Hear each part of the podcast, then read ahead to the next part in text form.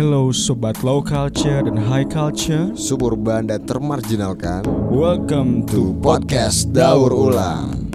Di sini kita akan ngobrol ringan yang diberat-beratkan. Mengemas topik yang terpinggirkan supaya mudah ditelan. Dan jangan sampai ketinggalan.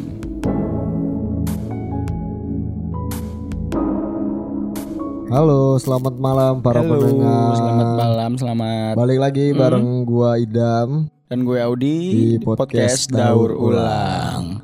Masih berkutat di tema yang sama Ya. yaitu fanatisme gitu Kemarin loh. kita di episode 2A membahas mengenai fanatisme Mm-mm. Mungkin di sini kita akan bahas lebih dalam lagi ya Kita akan kulik lebih jero Hmm, gitu loh. Mungkin lebih ke untuk perenungan kita aja malam Iya. ini gitu ya Untuk refleksi diri Hmm, kita. Untuk refleksi diri gitu. Jadi ngomong-ngomong soal fanatisme Mm. Gua udah cari pengertian fanatisme dari KBBI. Menurut KBBI, fanatisme adalah eh kepercayaan yang sangat besar terhadap sesuatu. Yaitu bisa jadi agama, politik atau apa pun itu dan sebagainya gitu.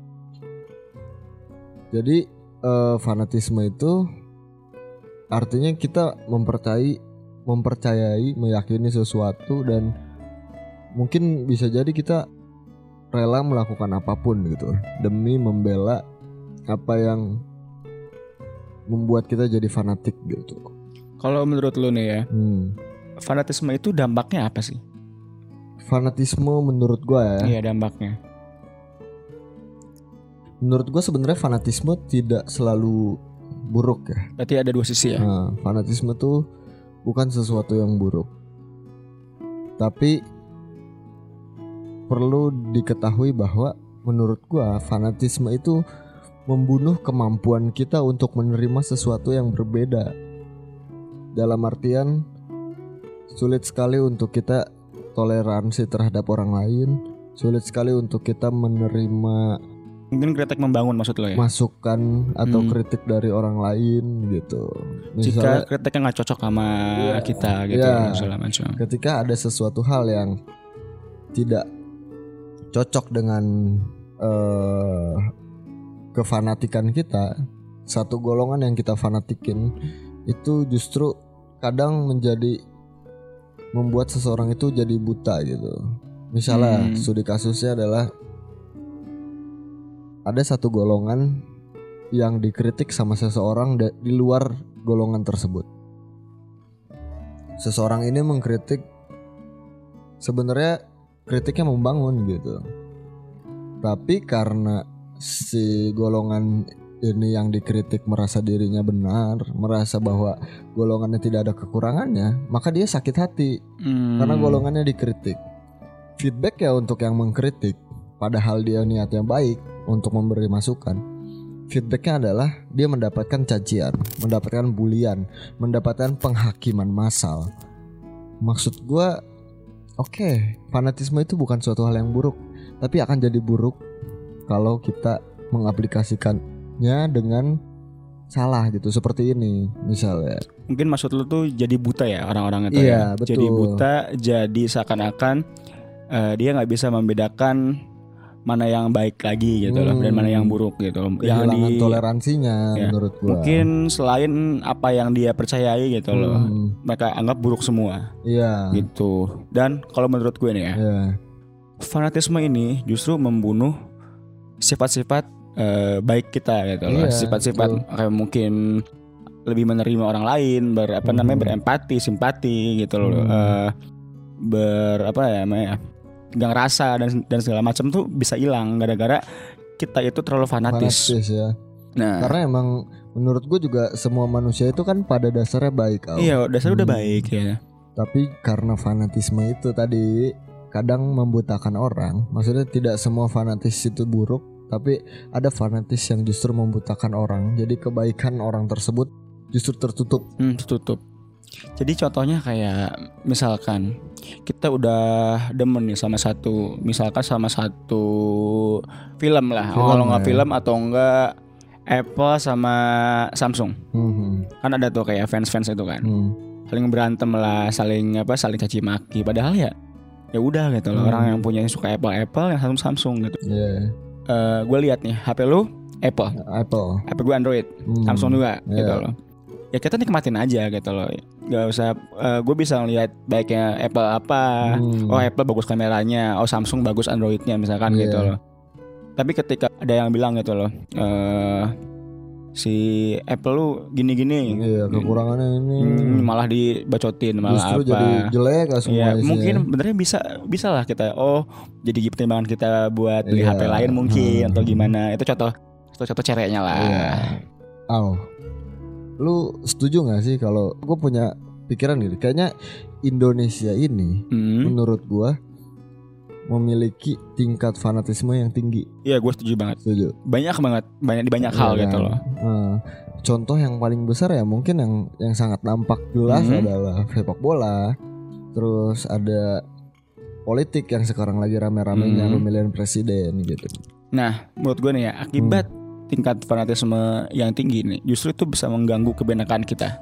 Gitu loh. Hmm. Banyak pertemanan jadi terpecah belah. Iya, itu. Gara-gara dia mungkin send di grup WhatsApp atau gimana segala macamnya nggak sesuai berantemin gitu kan. Tapi jujur aja, gua adalah Iya. orang yang sedih banget dengan dampak dari eh fanatisme politik. Hmm. Gue sedih banget ngelihat Indonesia yang terpecah belah sekarang gitu. Karena kita bahkan satu keluarga aja ketika beda pandangan politik, ketika beda pilihan politik yang bahkan belum tentu bener Hmm, belum tahu ke depannya bakal belum- gimana ya. iya. Itu justru jadi bermusuhan gitu. Satu keluarga gitu, jadi nggak akur. Itu aduh itu dari keluarga yang basicnya harusnya erat gitu. Apalagi yang cuman tetangga, cuman Hmm. temen doang gitu. Banyak banget kasus-kasus kayak gitu yang gua temuin ya. Kebetulan nggak terjadi di gua sih, alhamdulillahnya nggak Hmm. terjadi di gua. Tapi di luar sana tuh banyak banget dan itu membuat gua sedih. Kalau ini sebenarnya nggak terjadi di keluarga gue. Hmm. Keluarga gue bahkan pas lagi jadi gue sebenarnya ini pengalaman yang rada ini ya, pengalaman yang rada meng apa ya? Gak enak bagi gue gitu loh. Iya. Jadi eh saking orang terlalu fanatisnya. Bahkan di pemakaman abah gue, abah tuh kakek gue. Iya. Nah, sempat-sempatnya untuk kampanye. Pilih ini, pilih itu. Gue nggak mau nyebutin siapa paslonnya, tapi Iya. sebegitunya. Nah, itu. Sebenarnya gue jadi ya karena dia terlalu fanatis. Eh gue nggak ya nggak baiknya gue ini sih sebenarnya gue nggak baik sih karena gara gue nggak suka karena gara dia Hmm. terlalu sebegitunya gitu loh gue jadi Hmm. benci sama dia sama Hmm. saudara gue Hmm. gara-gara dia terlalu fanatis ya ini contohnya gitu loh yang gue alamin gitu loh ya mengganggu sih itu loh Iya, itu Parah banget gua. mengganggunya. Jadi oke lah, lu yang fanatis, lu yang gak suka orang fanatis. Mm-mm. Ya, ayolah kita sama-sama berusaha buat nggak apa-apa, fanatis tuh nggak apa-apa, nggak nggak apa-apa tapi yang penting Hmm, kita tuh masih bisa lihat perbedaan gitu loh Iya. kalau enggak masih bisa tahu tempat lah gitu loh tahu Hmm. tempat dan segala macam Karena menurut gue justru apa ya? eh fanatisme dalam hal politik di Indonesia ya. Menurut gue justru karena sekarang diekspos banget sama media, sekarang banyak banget diangkat di media, justru lebih menampilkan keburukan-keburukan Indonesia, hmm. lebih menampilkan kebobrokan-kebobrokan Indonesia. gitu. oknum-oknum orang ini ini Hmm. oknum-oknum sih Maksud gue itu adalah hal yang Hmm. bagus, tapi sekadar informasi aja gitu maksudnya. Lebih penting ketika kita lebih baik mengangkat prestasi-prestasi orang-orang di Iya. Indonesia nggak sih?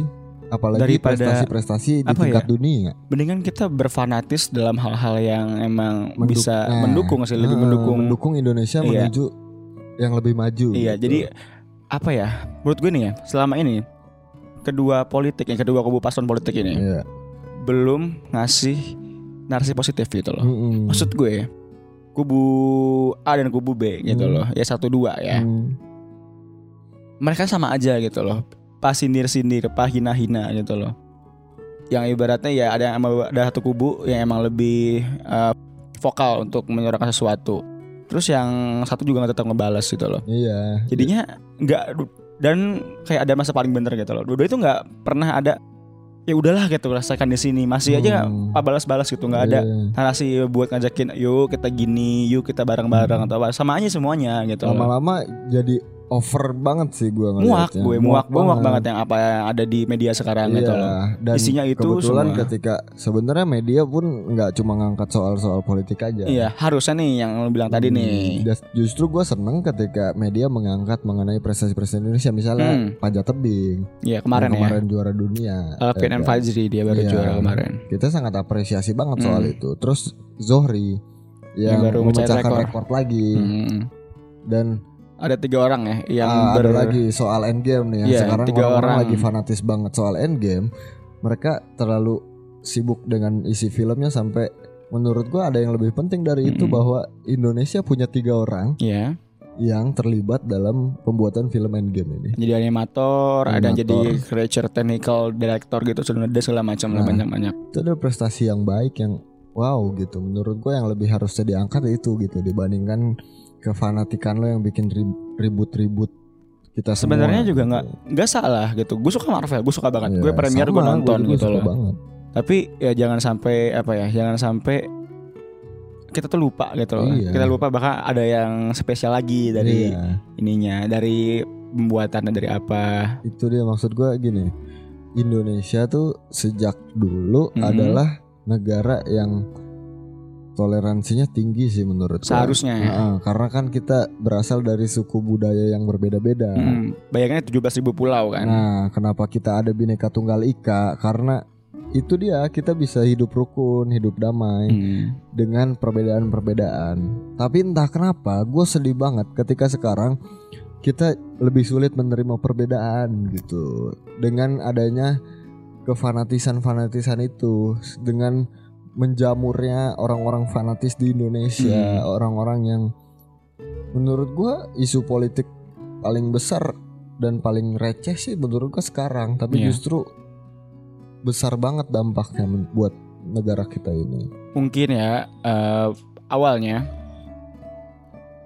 isu politik sekarang kan juga ya emang sekarang kan udah masanya ini udah masanya giat-giatnya sosial media kan Iya. semua orang pakai sosial media tua Hmm. muda gitu loh ya mungkin karena itu juga sih yang, mendorong orang-orang lebih bisa ke- mendorong kefanatisannya gitu loh Iya sih. jadi ya kita nggak bisa menghindari itu sih pengaruh media sosial iya juga sih. sosial juga Cuman maksud gua di Indonesia kita harusnya maksud gua yakin gua orang pengguna-pengguna media Hmm. sosial ini bisa lebih bijak lah harusnya harusnya bijak gitu, dipakai dewasa. buat eh, menyebarkan hal positif lainnya Betul. gitu loh Jadi Kayak kita sih gitu. pengennya ketika nih orang-orang pada fanatis kubu politik lah atau kubu sepak Mm-mm. bola lah Hmm. apa pun itu coba kalian tuh pakai media sosialnya tebarlah aura positif Hmm, tebarlah kabar-kabar yang bahagia betul. gitu loh ya apa namanya eh, buat beramal segala macam itu bahkan lebih seru dan apalagi sebentar lagi mau puasa kan Hmm. gitu loh tolonglah sudahi itu semua cebong kampret satu dua dan segala macamnya Ayolah kita damai lagi gitu. Damai lagi. Indonesia damai lagi. Sangat itu sangat gua rindukan. Hmm. Indonesia damai gitu. gue sama Idam beda pilihan politik Beda pilihan politik. Bener ya. jujur kita udah kayak Hmm. sharing-sharing kan gitu beda pilihan politik Cuman ya simple. udah gitu. Ya udah biasa aja Kita, kita, mah kan fanatis. Kasarnya eh, mereka kan ya belum belum tentu bakal melakukan hal yang Hmm. baik bagi Betul. Indonesia juga kan itu juga ada yang tahu mereka bakal ngapain Hmm. bisa aja korupsi bisa aja mau buat monster gitu mungkin Ya. Indonesia jadi ngancurin kota Ketika Jakarta Siapa pun presiden yang kepilih, toh kita gedein podcast sendiri. iya gitu Ya kan? tapi semua mau aja proses presiden yang baru siapa pun itu Hmm. bisa membesarkan industri podcast Nah, di- yang tapi terutama bisa membawa Indonesia jauh melesat lebih maju sih. betul Dan mau ngomong satu hal sih menurut gue ya, apa bahwa ketika lu fanatis, Hmm. lu buta dan lu nggak sadar bahwa Hmm. kedua calon presiden tuh punya tujuan satu sama yaitu untuk memajukan Indonesia, untuk membuat Indonesia lebih baik dengan caranya masing-masing. Itu sih menurut gua. Hmm. Jadi buat apa fanatis kalau mereka punya tujuan yang sama sebenarnya. Kalau gue mungkin sarannya buat para ini ya, para para karena gue seorang geek ya. Kalau bahasa Hmm. Inggrisnya geek itu apa? Eh, orang yang kutu buku, enggak kutu buku juga sih. Ya maniak sama ya kayak Marvel mungkinnya, Hmm. Game of Thrones gitu loh. Ya mungkin buat yang ini sih ya ada gue sih sebenarnya eh, rada ini sih rada ke rada keganggu sebenarnya. Jadi ada orang-orang yang gue suka Game of Thrones tapi ada orang yang mungkin dia terlalu fanatis untuk tidak mencintai Game of Thrones Iya. gitu loh. Terus dia merasa paling berbeda, merasa paling Hmm. justru kayak bahkan dia eh, yang gak tahu apa-apa terus spoiler ke orang-orang yang tahu tentang Game of Thrones gitu loh. Hmm. Makanya gue pernah kena spoiler di komentar eh, tentang postingan tentang bola. Hmm. Gara-gara dia pengen ngerusuh aja gitu loh. Gitu loh. Kalau orang fanatis juga apa fanatisnya emang gak mengganggu lu, jangan jangan diganggu juga gitu loh. Kalau Iya. gue sih. Simpel aja. Hmm. Sebagai sama-sama orang ya orang-orang yang penikmat film juga kan lu juga pasti suka sama film lain gitu loh. Hmm. Tapi ya udah jangan diganggu gitu. biarin aja gitu. ya, Biarin aja. Iya, let people enjoy things lah gitu Iya. loh. Bahasa Inggrisnya mah gitu. Nah, oke mungkin untuk bahasan mengenai fanatis kita cukup sampai di Ya sini. singkat aja kita gak mau banyak-banyak. Iya, Nah, kita cuma ngomong-ngomong podcast kita doang. sebelum Ramadan kayaknya juga ini adalah Iya, terakhir oh, terakhir. sebelum Ramadan.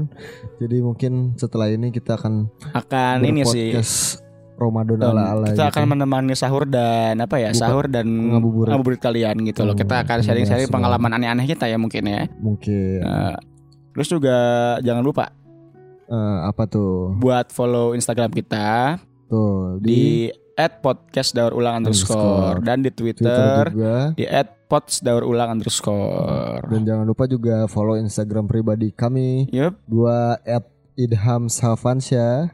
dan gue at audisco pokoknya audisco lah pakai Y Ya, Hmm. oke.